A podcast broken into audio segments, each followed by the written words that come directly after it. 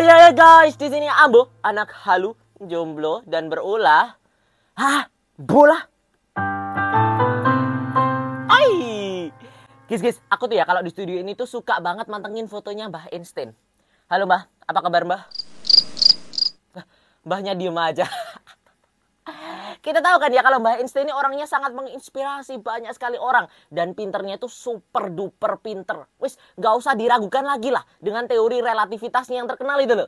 Tapi aku jadi penasaran, apakah Mbah Einstein ini orang terpintar di dunia? Ada yang lebih pintar gak ya? Banyak.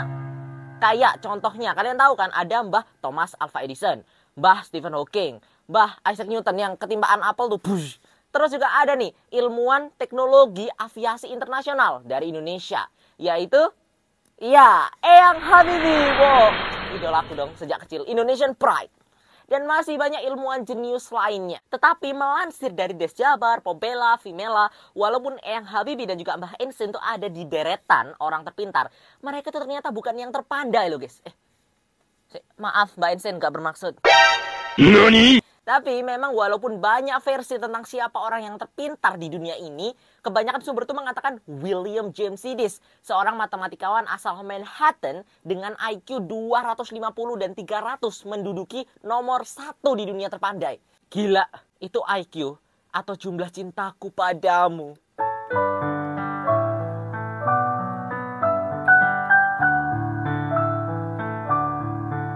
Nah, kalian tahu nggak sih bahwa William James Sidis ini pada saat dia berusia baru 18 bulan, dia sudah bisa baca tuh koran New York Times. Terus pada saat dia umur 8 tahun, dia belajar otodidak 8 bahasa. Dan nyiptain satu baru lagi, namanya Vandergood. Dan keterima di Harvard pada saat dia usianya 11 tahun. Gila nggak tuh? Coba komen di bawah siapa yang umur 11 tahun masih nyimbangin saklar lampu. Tahu kan? Tapi ternyata kehidupannya itu nggak seindah yang kita bayangkan, guys. Karena melansir dari Wikipedia dan juga liputan 6, dia itu kehidupannya suka menyendiri. Terus dia itu nggak menikah. Dan juga kehidupannya dia itu nggak tenang karena dia sudah tenar sejak dini tanpa mental yang siap. Bahkan, dia itu pernah dipenjara hingga 18 bulan akibat ikut demonstrasi kekerasan, terlibat segala kontroversi, dan akhirnya meninggal pada saat tahun 1944 akibat pendarahan di otak. Dan dia meninggal sebagai, ya bukan siapa-siapa. Dan gara-gara aku baca profil seputar William James Sidis ini aku jadi paham pernyataan bahwa semakin pintar orang semakin kompleks juga otaknya. Karena kita memang bisa lihat sendiri tuh hidupnya yang nggak bisa tenang karena otaknya tuh selalu muter kayak kincir Belanda nggak sih. Terus habis gitu mereka juga punya imajinasi sendiri dan mereka juga kayak punya insomnia. Makanya kalau kita pikir wah orang pinter mah enak dia pinter bisa gini gitu. Enggak itu nggak sepenuhnya benar karena mereka juga bisa jadi broke loh ketika mereka nggak bisa mengendalikan pikiran mereka sendiri. Aku juga jadi mikir kalau misalnya ada orang terpandai pastinya ada orang terbodoh dan ternyata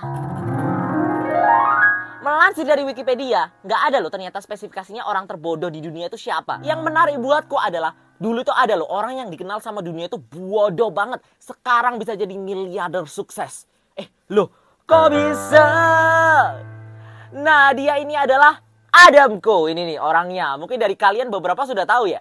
Karena Adamko ini adalah seseorang berkebangsaan Singapura dan dulu tuh dikenal sebagai batu. Kayak saking bodohnya dia waktu kecil itu sukanya ngegame terus, pisian terus, kayak kata emak tuh, HP terus.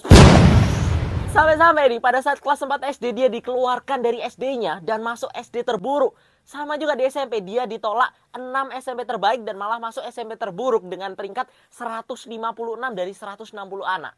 Pokoknya bodoh banget lah. Sampai melansir dari Wikipedia pada saat dia berusia 13 tahun, orang tuanya itu mengirim dia ke camp pelatihan di mana dia belajar tentang pemrograman neurolinguistik atau bahasa gampangnya itu pendekatan komunikasi atau psikoterapi di mana dia tuh merasa wow, something different. And boom, kebuka tuh otaknya, mata batinnya, akademiknya terus melonjak naik Begitu pula dengan karirnya hingga kini dia menjadi orang sukses dengan kekayaan triliunan. Mulai dari dia dagang musik box, membuat perusahaan di bidang training dan seminar, hingga akhirnya dia dinobatkan sebagai 25 orang terkaya di tahun 2008 versi Singapura. Gila banget kan ya? Ini tuh menunjukkan gak penting seberapa pinter kayak atau seberapa bodoh kayak kita. Yang paling penting adalah kita semua itu punya kesempatan yang sama untuk bisa menjadi sukses. Asalkan dibarengi dengan belajar dan juga usaha keras. Azik azik, jos! Bang Jali, Bang Jali, goyangnya bikin happy. Azik azik, jos! Ya iyalah kan dangdutan lagi. Jadi pesan terakhir di video ini untuk ma, pa, bapak ibu guru, cikgu, satsada, bude, tante, tetangga. Ya maafin kita lah kalau misalnya nilainya belum bagus yo maklo masih kecil. Kita belum berani mengeluarkan seluruh kemampuan kita. Karena kalau udah dikeluarin kan takutnya jadi miliarder sejak dini nggak enak sama yang gede-gede. Ya kan guys guys? Ya oke deh gitu. Sekian guys guys kalian. Ada instant makan bakwan di Indonesia. See you guys, guys kalian di episode selanjutnya. Hai, ciao.